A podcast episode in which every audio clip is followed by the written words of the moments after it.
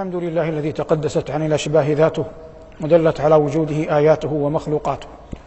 وأشهد أن لا إله إلا الله وحده لا شريك له وسع الخلائق خيره ولم يسع الناس غيره.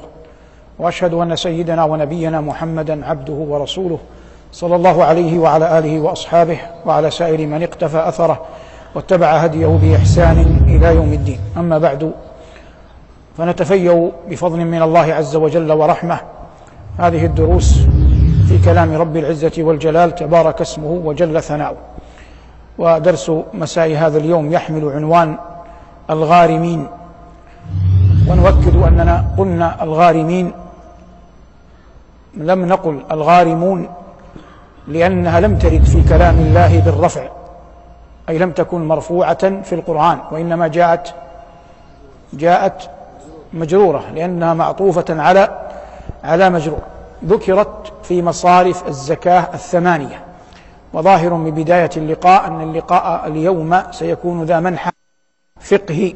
قد مر معنا كثيرا.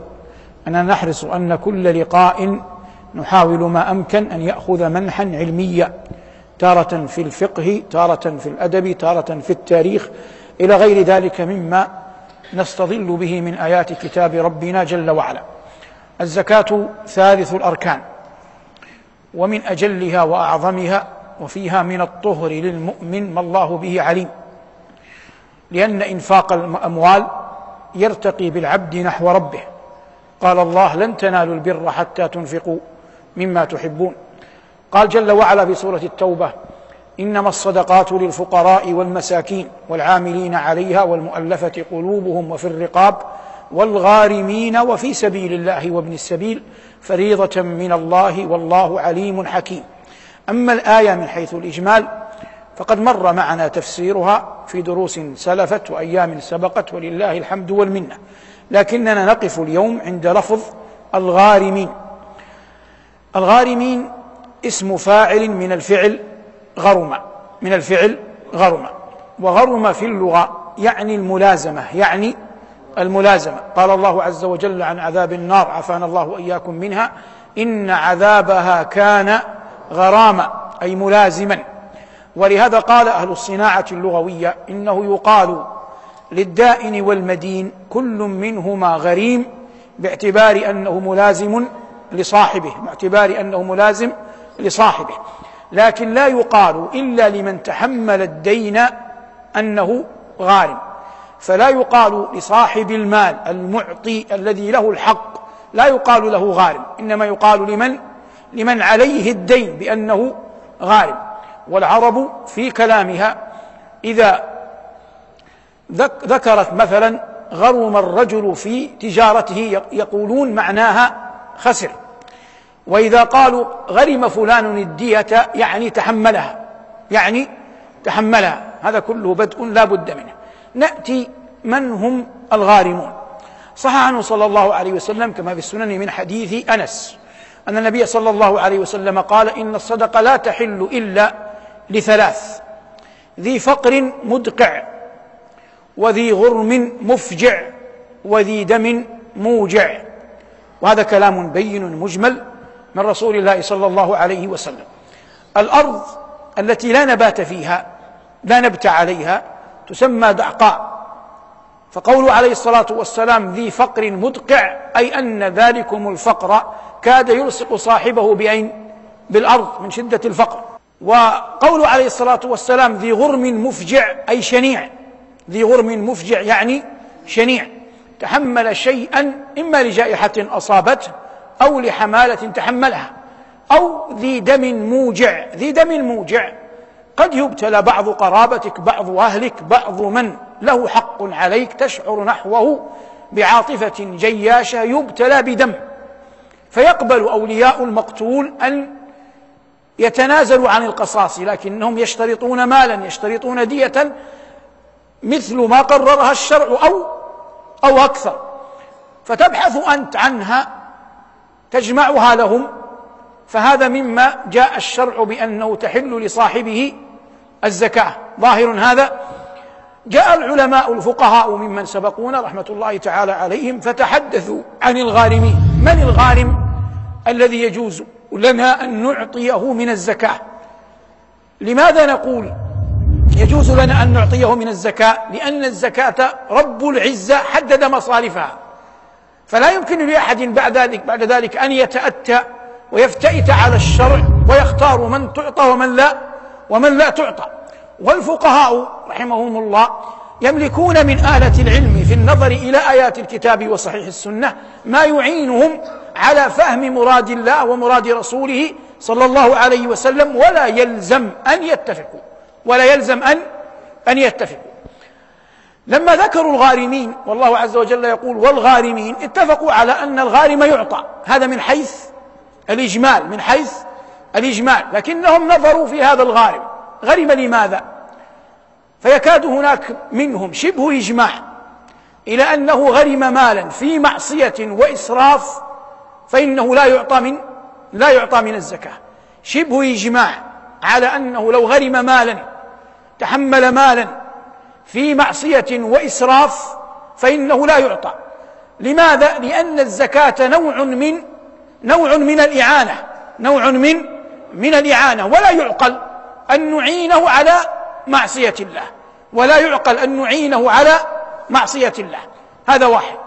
الأمر الثاني اختلفوا في الغارم الذي عليه غرم تستوجبه الكفارات. تستوجبه الكفارات. ما معنى الكفارات؟ الكفارات الشرعية الكفارات الشرعية. رجل عليه إطعام ستين مسكينا. عليه إطعام ستين مسكينا أفطر يوما من رمضان جامع أهله فعليه إطعام ستين مسكينا هذا في ذمته. لكنه لا يملك أن يطعم ستين مسكينا. لا يملك أن يطعم ستين مسكينا. هل يعطى أو لا يعطى؟ جمهور أهل العلم على أنه يعطى. جمهور أهل العلم على أنه يعطى. ومنع أبو حنيفة رحمه الله أن يعطى وعنده وعند بعض الفقهاء غيره على أنه لا يعطى الغارم إلا إذا كان في دين يحبس في مثله يحبس في مثله. ومعلوم أن المال المتعلق بالله لا يتأتى لأحد أن يحبس صاحبه فيه. واضح؟ المال المتعلق بالله الكفارة التي عليك رجل عليه إطعام ستين مسكينا في ظهار أو في جماع في رمضان فهذا لو لم يأتي بها لو لم يقوم بذلك الأمر بتلكم الكفارة لا يتأتى لأحد أن يحبسه لا يتأتى للقاضي أن يسجنه. ظاهر هذا. فقالوا بما أنه ليس بصائر إلى الحبس ليس بصائر إلى السجن وتعبير الفقهاء يقولون حبس أنا أتكلم بلغتهم. يقولون بما أنه ليس صائر إلى أن يحبس فلا حاجة لأن نعطيه من من الزكاة. هذا قول أبي حنيفة رحمه الله وقلنا إن الجمهور يرون إن الجمهور من العلماء يرون إعطاءه. غارم آخر وهو من مات وعليه دين. من مات وعليه دين. فقد يموت إنسان ما عليه ديون كثيرة ولا يترك شيئا لورثته. الآن ذمة الورثة بريئة أو غير بريئة؟ بريئة. هم لا يتحملون تبعة من كان قبلهم لا يتحملونه.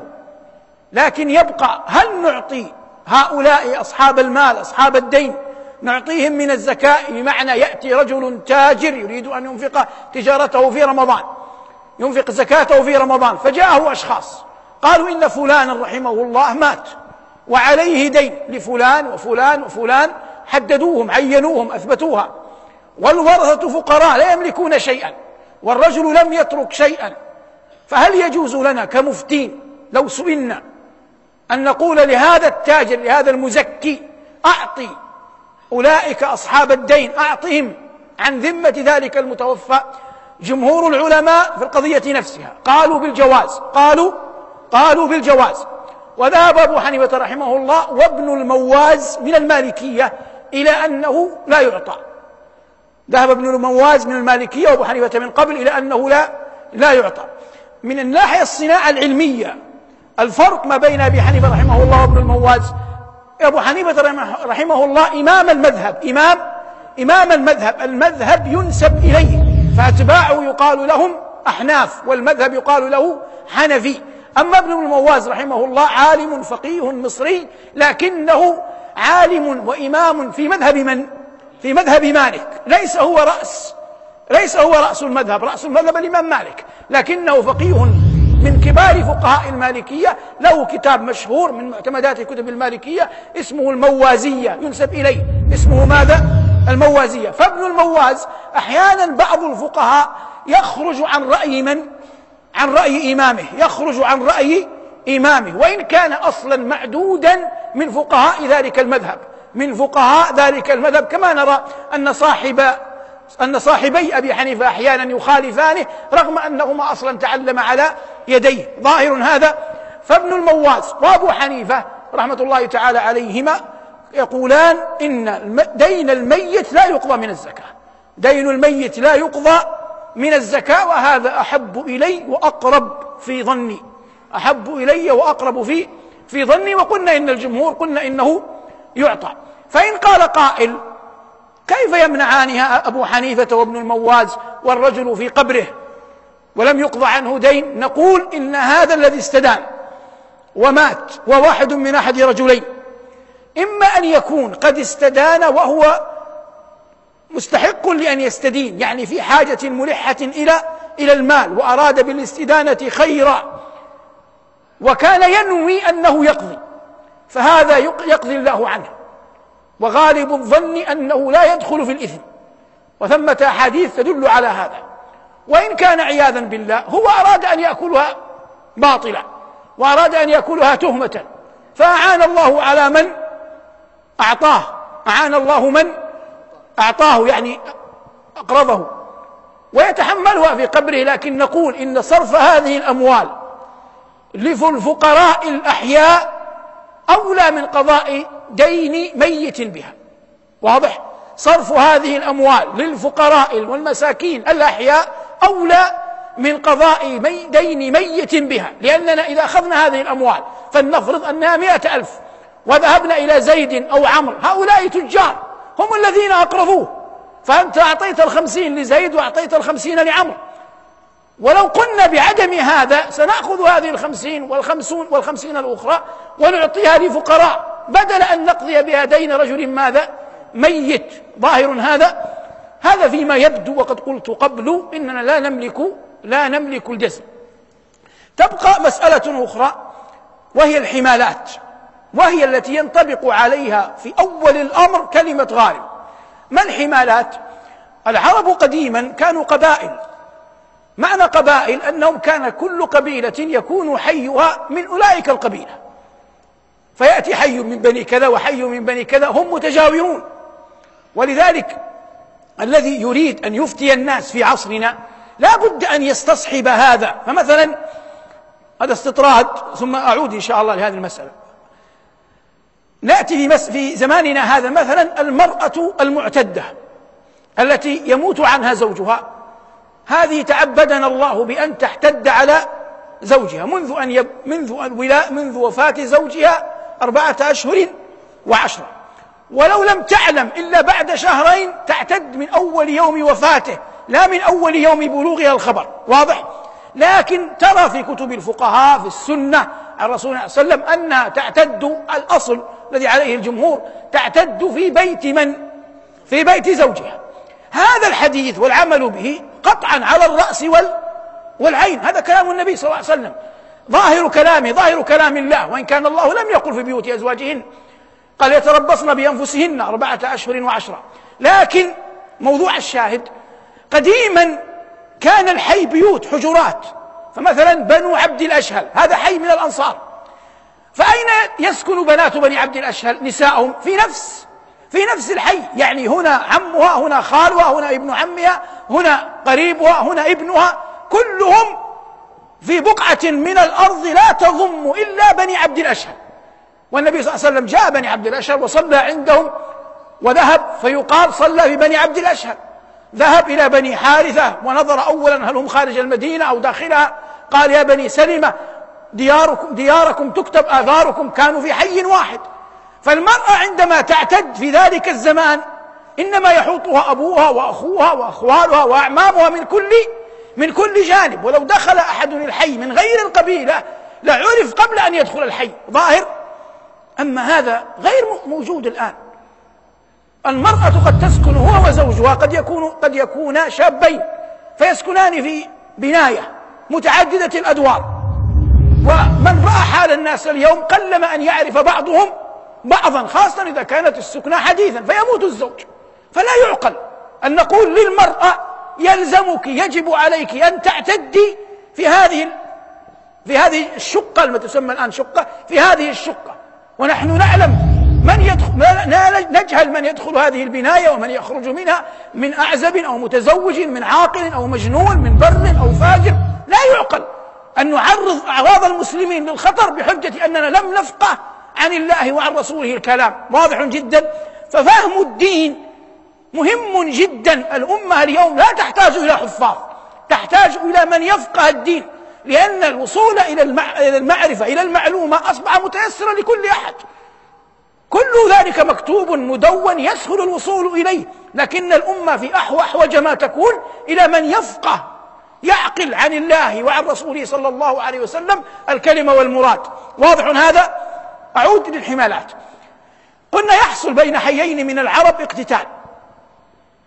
فينشأ هذا الاقتتال تدخل العصبية القبلية فينشأ قتل.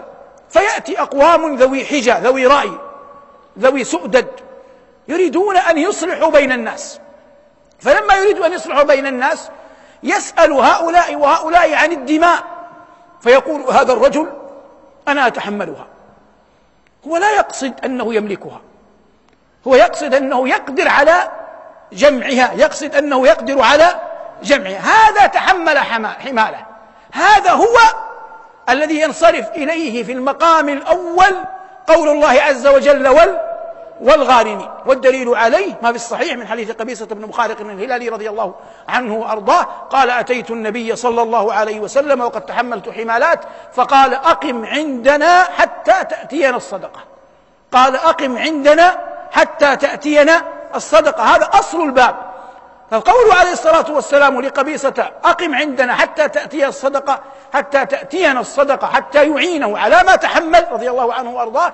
هذا أصل في القضية في فهم قول الله عز وجل إنما الصدقات للفقراء والمساكين والعاملين عليها والمؤلفة قلوبهم وفي الرقاب والغارمين وفي سبيل الله وابن السبيل فريضة من الله والله عليم حكيم. إذا انتهينا من هذا تبقى مسألة. ويأتي بعض العلماء يخالف فيها قلت هذا لا يظن بعلمائنا إلا الخير لكن هذا فهم. قالوا ننظر في هذا الذي تحمل. هل هو غني أو أو فقير؟ قالوا إن كان غنيا لا يعطى وإن كان فقيرا يعطى. وجمهور أهل العلم على المنع. ما معنى على المنع؟ منعوا هذا القول. يعني أجازوا وهذا هو الحق أن يعطى كان فقيرا أو أو غنيا. لماذا؟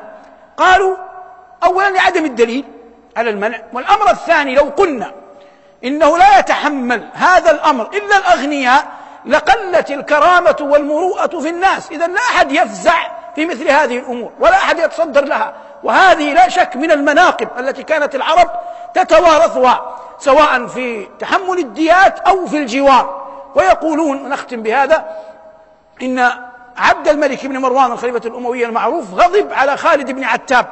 هو أحد بني أمية مثله. غضب على خالد بن عتاب. فلما غضب عليه ذهب خالد يريد أحدا يجيره من عبد الملك.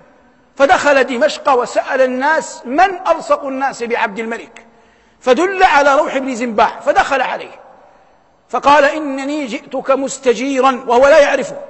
فقال روح قد أجرتك إلا أن تكون خالدا. قال أنا خالد. قال ائذن لي فإني لا أملك أن أرد غضب أمير المؤمنين. قال أذن لي أن أبقى عندك إلى أن تغرب الشمس. فوافق وروح هذا واقف على الباب ينتظر الشمس أن أن تغرب حتى تعلم أن الرجال يختلفون. فخرج خالد إلى رجل يقال له الحارث الكلبي أبو الهذيل فذهب إليه. فقال وقد دخل عليه إني دخلتك مستجيرا. أتيتك مستجيرا. قال قد أجرتك. قال أنا خالد بن عتاب. قال وإن كنت خالد بن عتاب. ثم أخبره الخبر فخرج أبو الهذيل إلى أمير المؤمنين وكان, وكان قد أسن. أنا أتكلم عن أن الناس تتحمل مثل هذا وقد أسن يعني كبر. وأخذ معه ابن ابنيه عمدا. دخل على أمير المؤمنين. لما دخل على أمير المؤمنين رآه عبد الملك عرفه. ورأى سنه أمر له بكرسي فجلس على الكرسي. أخذ الناس يقولون لأمير المؤمنين مطالبهم. قال ما عندك يا أبا الهذيل؟ قال يا أمير المؤمنين إني قد أجرت رجلا فأجره. قال عبد الملك أجرته إلا أن يكون خالدا. قال هو خالد. فقال عبد الملك لا ولا كرامة. سكت الرجل. ثم بعد قليل قال لابنيه انهضاني يعني يقيماني. فقام متكئا عليهما. ثم لما مضى قليلا التفت إلى عبد الملك. الآن لم يقل أمير المؤمنين لأن أمير المؤمنين ما أبقى الحرمة. قال يا عبد الملك ترك كلمة أمير المؤمنين. أنت أمام الناس تقول لي لا أجير ولا كرامة. قال يا عبد الملك قد علمت. لو أن لي قدرة على القتال وقيادة الخيل لأجرت من أجرت. فتبسم عبد الملك وقال قد أجرناه. ثم إن عبد الملك بعث رسولا إلى خالد يخبره بأنه عفى عنه وأعطاه ألفي درهم ألفي درهم من من؟ لمن؟ من عبد الملك إلى خالد.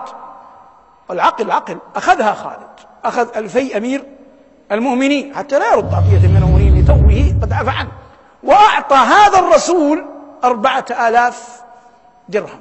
أعطاه أربعة آلاف درهم. وقضي بينهما الأمر. المقصود العلماء عندما قالوا يتحملها يعطى حتى الغني حتى لا تذهب المروءة والكرامة في الناس. أبقانا الله وإياكم على خير. هذا ما تيسر إراده وتهيأ إعداده وعان الله على قوله وصلى الله على محمد وآله والحمد لله رب العالمين.